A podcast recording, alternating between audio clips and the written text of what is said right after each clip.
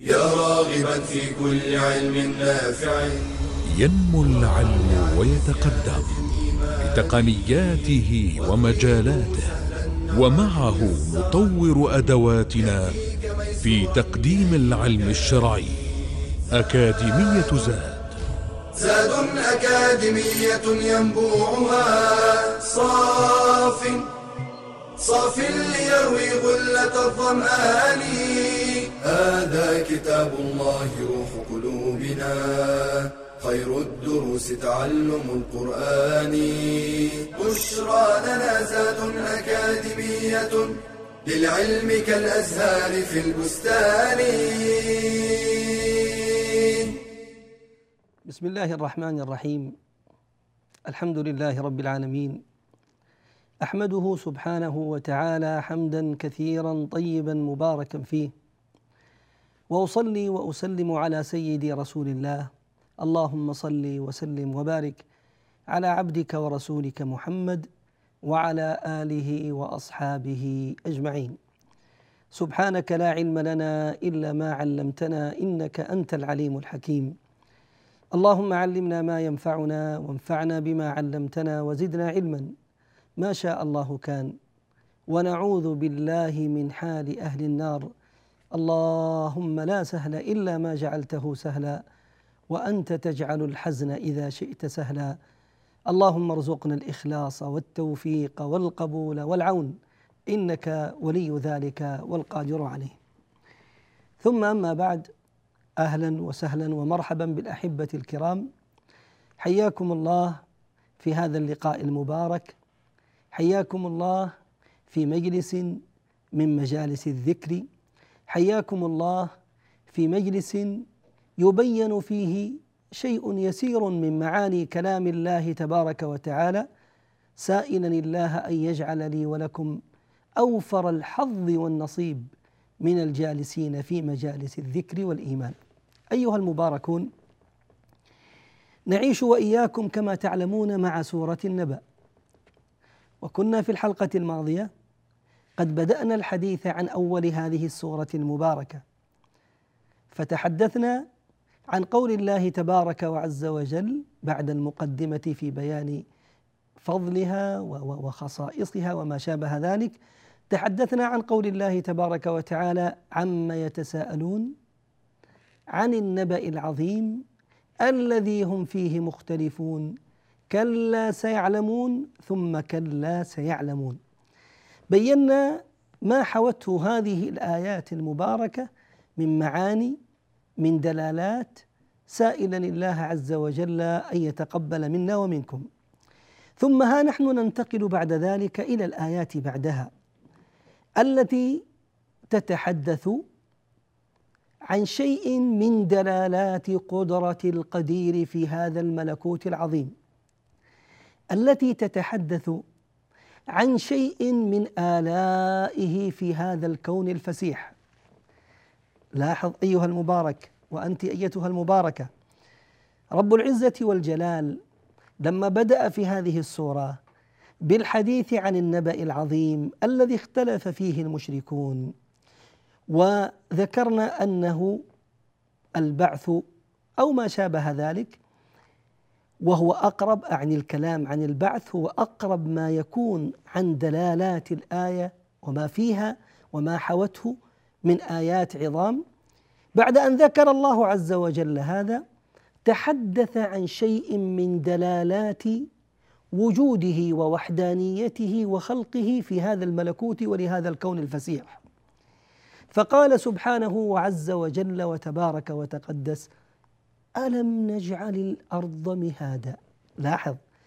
قبلها ثم كلا سيعلمون. ثم تنتقل الآيات مباشرة. ألم نجعل الأرض مهادا؟ يعني هذا الاستفهام الآن التقريري هنا. ألم نجعل الأرض مهادا؟ يقرر الله عز وجل فيه جعله للأرض مهاد. بعد قوله ثم كلا سيعلمون. ما هو وجه المناسبة بين هاتين الآيتين؟ لماذا يذكر هنا هذه الدلالة العظيمة على وحدانيته وخلقه ووجوده وعظيم صنعه في هذا الملكوت وقبلها يهدد ويتوعد سبحانه عز وجل المشركين؟ نقول لأن المراد هو تقرير الإيمان بالبعث وإثبات وجود اليوم الآخر وما فيه من إعادة الأرواح إلى هذه الأجساد. فيريد الله تبارك وتعالى من خلال ذكره لدلائل وآلائه في هذا الملكوت أن يقول سبحانه وتبارك وتقدس إن الذي خلق هذه الموجودات إن الذي جعلها إن الذي أوجدها إن الذي أبدعها وصنعها هذا القادر سبحانه وتبارك وتعالى بهذه القدرة العظيمة هو وحده عز وجل القادر على البعث.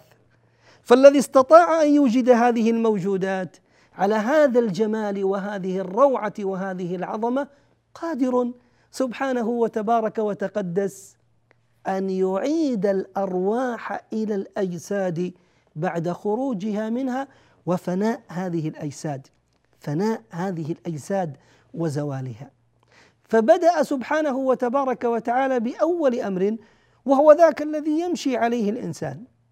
يعني لاحظ الحق سبحانه وتبارك وتعالى في هذه الآيات ما جاء بآلاء موجودات لا يراها الإنسان أو هي بعيدة عن مشاهداته. لا الحق عز وجل يخاطبهم يدلهم يرشدهم يوجههم على الشيء الذي يشاهدونه الشيء الذي يرونه الآن بأعينهم. أول هذه الأمور هذه الأرض التي تمشون عليها وتستطيع أن تسير عليها مرتاحا مطمئنا.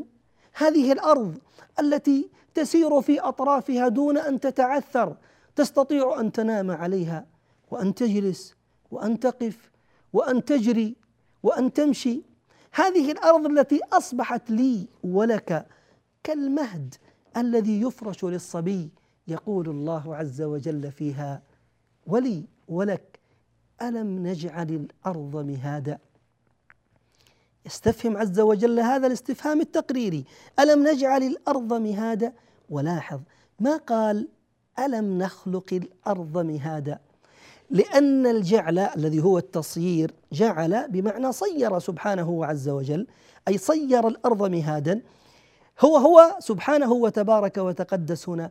لا يتحدث لاحظ لا يتحدث عن بداية خلق الأرض وإيجادها وإنما يتحدث عن أمر زائد عن بداية خلقها وهو كونه سبحانه عز وجل جعلها مهادا.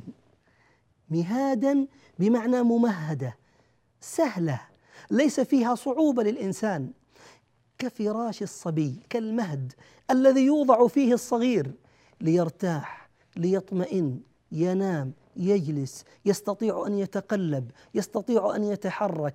هو له كالحاضن لا يشعر فيه بشيء من التعب أو بشيء من النصب. كذلك هي الأرض التي صيرها الله تبارك وعز وجل لي ولك على هذا المنوال. كيف؟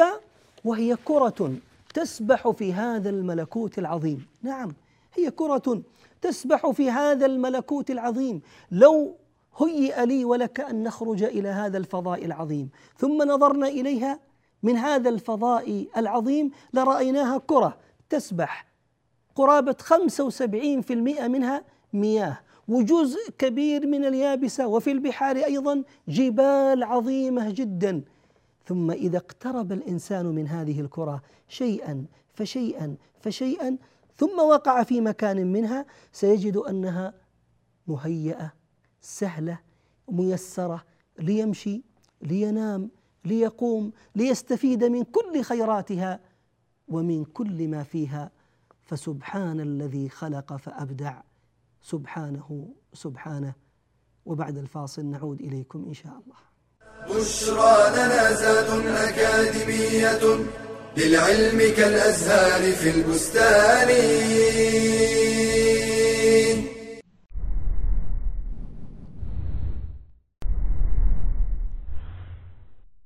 عماد الدين ثاني أركان الإسلام ومبانيه العظام. أول ما يحاسب عليه العبد يوم القيامة صلة بين العبد وربه. فضائل سامية وخصال عالية اجتمعت في عبادة واحدة إنها الصلاة. كما أنها تمحو الخطايا قال عليه الصلاة والسلام أرأيتم لو أن نهرا بباب أحدكم يغتسل منه كل يوم خمس مرات هل يبقى من درنه شيء؟ قالوا لا يبقى من درنه شيء. قال فذلك مثل الصلوات الخمس. يمحو الله بهن الخطايا. وتبعد الإنسان عن الوقوع في المعاصي والمنكرات. قال تعالى إن الصلاة تنهى عن الفحشاء والمنكر. فكيف لعاقل أن يرد كل هذه الهدايا والعطايا ويعرض نفسه لسخط الله وعذابه؟ فقد توعد الله المتهاون في أدائها فقال فخلف من بعدهم خلف أضاعوا الصلاة واتبعوا الشهوات فسوف يلقون غيا. وحين يسأل أهل النار عن سبب دخولهم فيها يكون أول جوابهم قالوا لم نك من المصلين. لذا جعل النبي صلى الله عليه وسلم بين الرجل وبين الكفر ترك الصلاة. قال الإمام ابن القيم رحمه الله لا يختلف المسلمون أن ترك الصلاة المفروضة عمدا من أكبر الكبائر وأن إثمه عند الله أعظم من إثم قتل النفس وأخذ الأموال ومن إثم الزنا والسرقة وشرب الخمر وأنه متعرض لعقوبة الله وسخطه وخزيه في الدنيا والآخرة. فدين بلا صلاة كبيت بلا عماد. فإنها ميزان النجاة وسبيل الفلاح. فاحرص على إقامتها وسلامتها. واتقوا يوما ترجعون فيه إلى الله. ثم توفى كل نفس ما كسبت وهم لا يظلمون.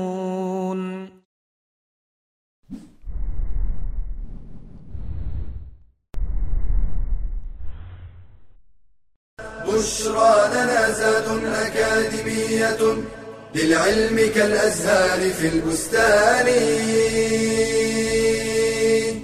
حياكم الله أيها الأحبة. عدنا إليكم والعود أحمد. أهلا وسهلا بكم. كنا نتحدث معكم قبل الفاصل عن أول آية من آيات الله تبارك وتعالى وأول دليل على وجود هذا الخالق المبدع.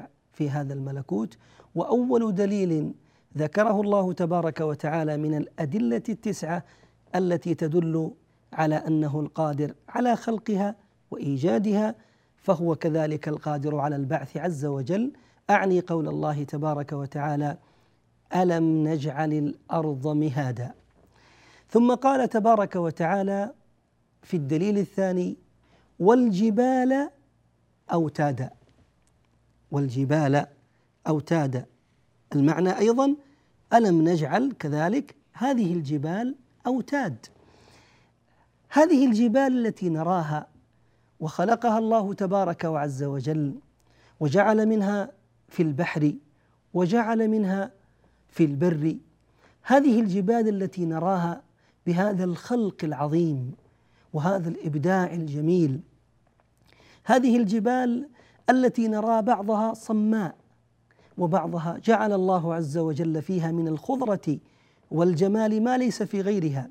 هذه الجبال التي نرى منها ألوان فمنها البيض ومنها الحمر ومنها السود. هذا الخلق العظيم الذي خلقه الله تبارك وعز وجل للجبال الهدف من إيجاده أو من أهداف وجوده أن تكون هذه الجبال أوتاد. والأوتاد جمع وتد والوتد هو ذاك الذي تثبت به بعض الأبنية بعض الأخبية بعض بيوت الشعر إذا جيء بالبناء إذا جيء ببيت الشعر مثلا ونصب من أجل أن يثبت. حتى لا تقتلعه الريح لا تأخذه الريح لا تغير مكانه وتعبث بمن في داخله. يجعل له أوتاد. مثبتات تثبته تجعله مستقرا ثابتا لا يتحرك. فالحق سبحانه وعز وجل يمتن علي وعليك. على هذا الإنسان الذي يعيش على هذه الأرض فجعلها الله تبارك وتعالى له مهادا. يستطيع أن يستقر عليها ويهنأ. الله عز وجل مما جعلها كذلك أن جعل الله تبارك وتعالى لها أوتاد مثبتات تثبتها. إذ لولا لولا الله عز وجل ثم هذه الأوتاد التي جعلها تبارك وتعالى لما استطاع الإنسان أن يهنأ بعيشة على هذه الأرض من اضطرابها وحركتها وعدم سكونها وثباتها واستقرارها. اولا لذاتها هي. فإن خمسا وسبعين مما على هذه الأرض من المياه. تخيل كرة خمسة وسبعين في المياه منها مياه. لو لم توجد هذه المثبتات كيف سيكون حالها في اضطرابها؟ ثم هي كما ذكرنا كرة تسبح في هذا الفضاء العظيم. تسبح في هذا الفضاء العظيم. فلولا هذه الأوتاد التي جعلها الله تبارك وتعالى لها تثبتها ربما لحصل فيها من الاضطراب وعدم الاستقرار وعدم الراحة الشيء الكثير فسبحان الخالق العظيم.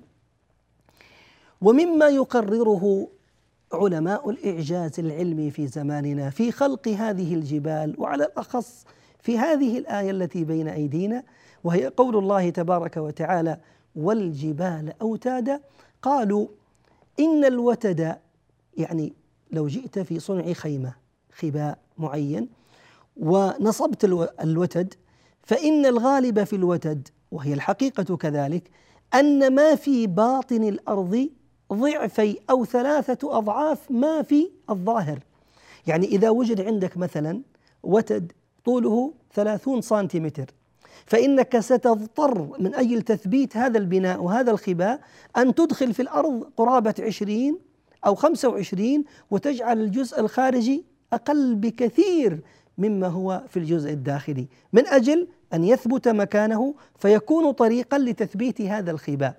قالوا فكذلك هذه الجبال سبحان الله العظيم بعد أن بحثوا ونظر العلماء أعني علماء الطبيعة وجدوا أن الجبال في حقيقتها كذلك. فإن ما يظهر من الجبل في الخارج في باطن الأرض ما لا يقل عن ضعفيه. ما لا يقل عن ضعفيه فناسب تماما أنها أوتاد لهذه الأرض. فمن الذي أخبر محمدا عليه الصلاة والسلام أن هذه الجبال اوتادا إنه العليم الخبير الخالق المبدع الذي صير هذا الجمال وجعل هذا الخلق العظيم. اذا هذه الآية الثانية والدليل الثاني الذي ذكره الله تبارك وتعالى الأول ألم نجعل الأرض مهادا؟ الثاني والجبال أوتادا. ثم قال عز وجل في الثالث وخلقناكم أزواجا. خلقناكم أزواجا. قيل المراد بالأزواج لاحظ الذكر والأنثى. لأن أزواج من العدد الزوجي اثنين. العدد الزوجي. إذا جعل الله تبارك وتعالى الذكر والأنثى. فمن كل شيء خلقنا زوجين كما قال سبحانه وعز وجل وتبارك وتقدس. من كل شيء خلقنا زوجين. فكل مخلوقات الله تبارك وتعالى التي طريقها التكاثر والتناسل جعلها الله تبارك وتعالى زوجين زوجين زوجين. قال الله عز وجل ومن آياته أن خلق لكم من أنفسكم ازواجا ازواجا لتسكنوا إليها وجعل بينكم مودة ورحمة. إن في ذلك لآيات لقوم يتفكرون. يا أيها الناس اتقوا ربكم الذي خلقكم من نفس واحدة وخلق منها زوجها وخلق منها زوجها ثم بعد ذلك قال وبث منهما رجالا كثيرا ونساء. إذا قال بعض أهل التفسير المراد بالزوج هنا الذكر والأنثى. وقال بعضهم ما هو أوسع من ذلك؟ قال المراد بالأزواج أي الأصناف. الأصناف أي أن الله تبارك وعز وجل خلق كل شيء في هذا الملكوت اصنافا. فمثلا سواء كان في الإنسان أو في الحيوان أو في النبات أو في الجماد فتجد مثلا في النبات مثلا تجد في اللوز مثلا أو في العنب أصناف مختلفة.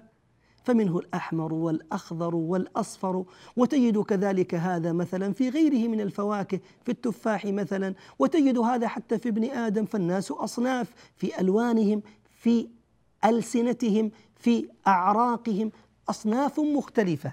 إذا قال بعض أهل التفسير المراد بالأزواج الأصناف وكلا يعني كلا القولين آه، معناهما جميل والغرض منه إفادة قدرة القدير سبحانه عز وجل على الإيجاد وعلى الإبداع وعلى عظيم الصنع والخلق. سواء قلنا بالقول الأول أو قلنا بالقول الثاني والآية تشمل المعنيين بفضل الله تبارك وعز وجل.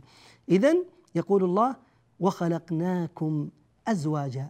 ثم قال سبحانه عز وجل في الدليل الرابع وجعلنا نومكم سباتا. تأمل يا عبد الله. أيضا يعيش الحق عز وجل أو يقول الحق عفوا سبحانه وتبارك وتعالى وجعلنا جعلنا. قلنا هذا أمر زائد على على على أصل الخلق. أي صيرنا نومكم إذا نام الإنسان صير الله عز وجل هذا النوم ليكون سباتا. سباتا مصدر من السبت. قيل السبت بمعنى القطع. قيل السبت بمعنى القطع. فإذا جاء الإنسان ونام انقطع عن الحركة. انقطع عن كل الأمور التي تشغله في حياته انقطع حتى عن الناس من حوله. فانقطع انقطاعا تاما. وقيل معنى سباتا هذا المصدر من السبت أيضا لكنه بمعنى السكون والاستقرار. بمعنى السكون والراحة السكون والراحة. ولذلك كان بنو إسرائيل يعظمون يوم السبت لأنه قيل سمي ذاك اليوم بالسبت لأن بني إسرائيل فيه يرتاحون وفيه يسكنون عن العمل في سائر الأيام وللحديث بقية إن شاء الله بعد الفاصل. بشرى لنا زاد أكاديمية للعلم كالأزهار في البستان من أعظم الأخطار التي تهدد المجتمع وتجعل بناءه هشا ضعيفا. جهل المرأة بما تحتاج إليه من أمور دينها ودنياها وشؤون حياتها فهي الساعد الآخر لبناء المجتمع. فالمرأة الجاهلة لا يمكنها القيام بتربية صحيحة أو إعانة لأبنائها على التعلم والرقي بل ربما أنشأتهم على أفكار خاطئة أو معتقدات فاسدة. فبالجهل تتبرج المرأة فتفتن نفسها وغيرها. وبالجهل تضيع المرأة حق زوجها وتنفره من البيت فيتفرق شمل الأسرة. وبالجهل وقعت كثير من النساء في الخرافات والسحر والشعوذة. فالواجب على المرأة أن تحرص على طلب العلم وألا يمنعها الحياء من ذلك. فإنه لا حياء في طلب العلم كما قالت أم المؤمنين عائشة رضي الله عنها نعم النساء نساء الأنصار لم يكن يمنعهن الحياء أن يتفقهن في الدين. بشرى لنا زاد أكاديمية للعلم كالأزهار في البستان. حياكم الله أيها الأحبة. أهلا وسهلا ومرحبا بكم. عدنا إليكم وكنا قبل الفاصل نتحدث عن آية من آيات الحق تبارك وتعالى في هذا الملكوت العظيم وهي قول الله تبارك وعز وجل وجعلنا نومكم سباتا وقلنا أن السبات مصدر من السبت وهو إما بمعنى القطع لانقطاع الإنسان عن الحركة تماما وعن كل أشغاله وأموره بل وحتى عن الناس من حوله أو يكون بمعنى السكون والراحة. يكون بمعنى السكون والراحة. وكلا المعنيين موجودان في هذه الآية في آية النوم. فإن الإنسان إذا نام انقطع عن كل الشواغل وعن كل الصوارف فهو كذلك فيه نوع هذا النوم من السكون ومن الراحة لهذا البدن الذي خلقه الله تبارك وتعالى. ثم قال عز وجل بعد ذلك في آية من آياته ودليل من دلائل قدرته العظيمة قال عز وجل وجعلنا قال عز وجل وجعلنا نومكم سباتا وجعلنا الليل لباسا. جعل الله تبارك وتعالى الليل لباس. لاحظ الآية اللي قبلها الله عز وجل يمتن علينا بخلقه للنوم وجعله النوم لنا سبات. أما هذه الآية فالله عز وجل يمتن علينا بالليل. بالليل. لاحظ النهار فيه الشمس المشرقة التي تدل على النشاط والحيوية وتجد الإنسان إذا أشرق شمس يوم جديد بدأ ودبت فيه الحياة ودب فيه النشاط وبدأ يتحرك في هذه الحياة يسعى إلى كسب رزقه ومعاشه فإذا تغشى هذا الليل هذا الكون العظيم فانصرف هذا الضياء وحل محله هذا الليل فغشي الليل بسواده الملكوت شعر هذا الإنسان وكأنه كأنه قد لبس أو تلبس بأمر كان عنه عار بعيد قبل لحظات. لاحظ ولهذا قال الله عز وجل وجعلنا وجعلنا الليل لباس واللباس هو ما يستر الإنسان به بدنه. يلبسه من أجل أن يشعر بالستر من أجل أن يشعر بالراحة من أجل أن يشعر بشيء أحيانا من الفخر من أجل معاني كثيرة جدا يحملها لفظ اللباس. معاني كثيرة يحملها لفظ اللباس. يشمل الجميع امتنانه تبارك وتعالى على خلقه بأن جعل الليل لباسا نلبسه. كان العرب إذا ناموا في الجاهلية وإلى وقت قريب قبل وجود وسائل التكييف ووسائل الراحة إذا جن عليهم الليل وأراد الواحد منهم أن ينام وغشيه الليل وغطاه يخلع كل لباسه وينام أحيانا ربما بلا لباس. فيلبس هذا الظلام الذي جعله الله تبارك وعز وجل له. فيمتن الله عز وجل على ابن آدم بهذه المنة العظيمة. وجعلنا الليل لباسا ها وجعلنا النهار معاشا. شوف العكس تماما الآن. الليل محل الراحة يلبسه الإنسان ليستر هذا البدن. النهار مكان للمعاش. مكان للمعاش. ولاحظ كلمة معاشا. هذا المصدر هذا المصدر كلمة معاشا من العيشة كأن الواحد يبحث عن الشيء الذي يعيش به. ولا يكون ذلك في الغالب إلا في النهار لأن النهار هو وقت العمل ووقت وقت الكد ووقت الجهد. فأصبح مكانا للبحث عن وسائل العيش. مكانا للبحث عن وسائل العيش التي تساعد الإنسان على أن يعيش عيشة هنيئة مرتاحا مطمئنا يشعر فيها بشيء من العزة والراحة. وهذا فضل الله تبارك وعز وجل فأعطى عز وجل لكل شيء حقه سبحانه وتبارك وتقدس. إذا جعل الليل لباس وجعل النهار سبحانه وتبارك وتعالى معاشا. ثم قال عز وجل كذلك بعد ذلك في بيان نعمة من نعمه ودليل من أدلة وجوده وخلقه ووحدانيته قال سبحانه وتبارك وتقدس وبنينا فوقكم سبعا شدادا. بنينا فوقكم مجرد أن تسمع كلمة فوقكم سيرفع الإنسان نظره للأعلى. نعم هو كذلك إنها السماء.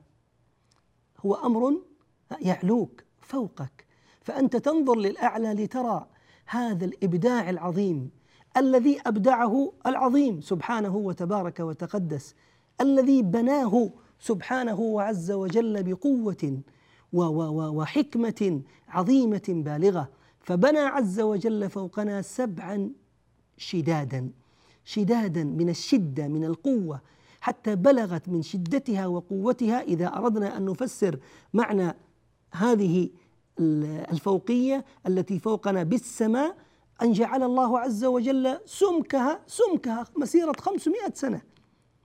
سمكها مسيرة 500 سنة وهذا يدل على متانتها وعلى شدتها المتناهية العظيمة. إذا وبنينا فوقكم سبعا شدادا. يقول بعض أهل التفسير مراد بهذه السبع الشداد هي السبع السماوات. وقال بعض أهل التفسير وذكر هذا الطاهر بن عاشور أن المراد بهذه السبع التي بناها الله عز وجل فوقنا وجعلها شديدة قوية هي الكواكب السبعة التي كانت تعرف عند العرب وعند الناس قديما. وقال بعضهم وذكر هذا أيضا ابن عاشور أنه لا يمنع أن أن يراد بها أشياء هي في هذا في السماء الأولى دون ما عداها من السماوات التي لا يراها الإنسان لأن الآية خرجت مخرج الامتنان على ما يشاهد وعلى ما يرى. قال فلعل المراد بذلك سبع طبقات معينة موجودة في هذا في هذه السماء الدنيا خلقها الله عز وجل وجعلها فعلا شديدة متينة قوية. اذا خلق الله عز وجل سبعا شدادا فوقنا سواء قلنا هي السبع السماوات أو السبع الكواكب أو غير ذلك مما خلقه الله تبارك وعز وجل.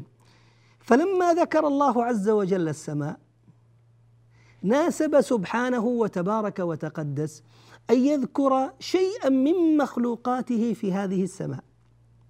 فذكر عز وجل السراج الوهاج وجعلنا سراجا وهاجا. ولاحظ ليس خلقنا ونكرر هذه الكلمة ما قال خلقنا سراجا وهاجا؟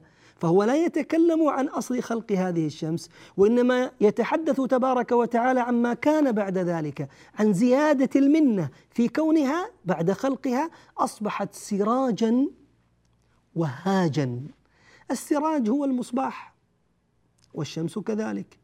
هي مصباح لهذه البسيطة بل لهذا الكون بأسره لهذا الكون بأسره. وهذا ما يقرره العلماء الآن. الشمس الآن تعتبر كمركز لهذه المجرة التي نعيش فيها التي تسمى بمجرة درب التبانة. كنا نعرف أن مجرة درب التبانة مركزها قلبها هي الشمس. هي الشمس. ثم هذه الكواكب التي جعلها الله تبارك وتعالى في هذه المجرة الكواكب السيارة مع الأقمار الموجودة في كل كوكب الجميع يدور حول حول هذه الشمس والشمس كما هو معلوم أيضا تدور حول نفسها والشمس مع المجموعة كاملة تسير كذلك وتمشي حول مركز الكون كما ذكر أهل العلم. هذه الشمس هذا السراج الوهاج الذي جعله الله تبارك وتعالى ضياؤه جعلها سراجا وهاجا أي سراجا مضيئا ذو وهج عال وشديد. ليس للأرض فقط بل لكل هذا الملكوت وهذا الكون. فإذا ظهرت وتحركت ملأ ضياؤها الوهاج أي شديد الضياء ها شديد الضياء هذا الملكوت العظيم. وسبحان الله لما نظر العلماء إلى هذه الشمس وجدوا أن مصدر هذا الضوء العظيم مجموعة عظيمة من التفاعلات. ومن البراكين ومن الثورات التي لا تعد ولا تحصى التي يعني تحدث خلال أجزاء من الثانية مستمرة ينتج عن هذا الثوران المستمر هذا الضوء الوهاج العظيم في هذا الملكوت. اذا جعل الله سراجا وهاجا أي شديد الضوء بفضل الله تبارك وتعالى. وجعلنا سراجا وهاجا وللحديث إن شاء الله تبارك وتعالى بقية في الحلقات القادمة مع هذه السورة المباركة. أسأل الله تبارك وتعالى أن يعلمنا وإياكم ما ينفعنا وأن ينفعنا وإياكم بما علمنا وألا يجعل الحق ملتبسا علينا فنضل إنه ولي ذلك والقادر عليه. وصل اللهم على سيدنا محمد وعلى آله أجمعين. والحمد لله رب العالمين. تلك العلوم دروسها ميسورة في صرح علم الراسخ الأركان. بشرى لنا بشرى لنا بشرى لنا زاد أكاديمية للعلم كالأزهار في البستان.